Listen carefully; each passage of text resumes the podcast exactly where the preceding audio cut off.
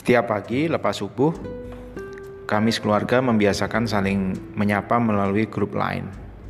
Apalagi sekarang nih, dua anak ini sedang ada di luar rumah. Kakaknya kos di Jatinangor dan adiknya lagi ikut youth camp di Dieng selama seminggu. Kenapa subuh? Ya karena kalau siangan dikit pasti late respon. Maklum kesibukan masing-masing, ngobrolnya jadi nggak asik. Lama jawabannya. Barusan kami ngobrolin perkembangan portofolio investasi kakak karena dia mau ambil sebagian keuntungannya untuk membiayai ASEAN Trip. Tugas dari kampusnya untuk berkunjung ke universitas di Malaysia dan Thailand. Kakak sejak awal kami ajarin dan kami beri contoh berinvestasi dengan reksadana. Investasi yang simpel, aman, dan bebas pajak. Setiap bulan, setiap kali menerima gaji dari kami, dia berkewajiban menyisihkan sebagian gajinya untuk dimasukkan ke reksadana sebelum sisanya dia konsumsi. Kami sepakat mengistilahkan kiriman sebagai gaji. Ya, karena dia sedang bekerja, yaitu kuliah. Kalau dia kuliahnya rajin, nilai bagus, ada bonus. Kalau performanya jelek, gaji nggak naik supaya ada tanggung jawab aja di sana. Seperti umumnya kalau kita sedang bekerja kan gitu.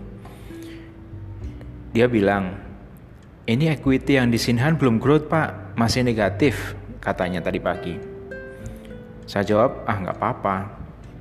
Dengan meyakinkan sepanjang tidak ditarik duitnya tidak ada kerugian yang terrealisasi.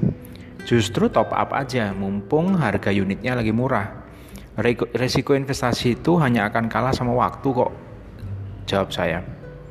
Dia biasanya nurut. Dia keluarkan uang ekstra dari gaji dia untuk top up. Empat tahun lalu, ketika diajak menjadi financial konsultan oleh istri saya, kesulitan terbesar saya bukanlah sekedar menjadi konsultan. Saya udah biasa jualan.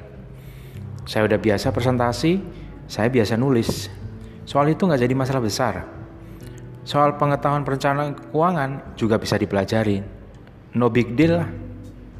Kesulitan terbesar ketika kita mulai memposisikan diri menjadi konsultan adalah atau mengajari orang lain adalah walk the talk. Sungguh nggak lucu ketika kita bisa ngajarin orang untuk menyiapkan saving, investment, protection, tapi kitanya sendiri nggak punya. Semua hanya berhenti di materi presentasi yang indah desainnya.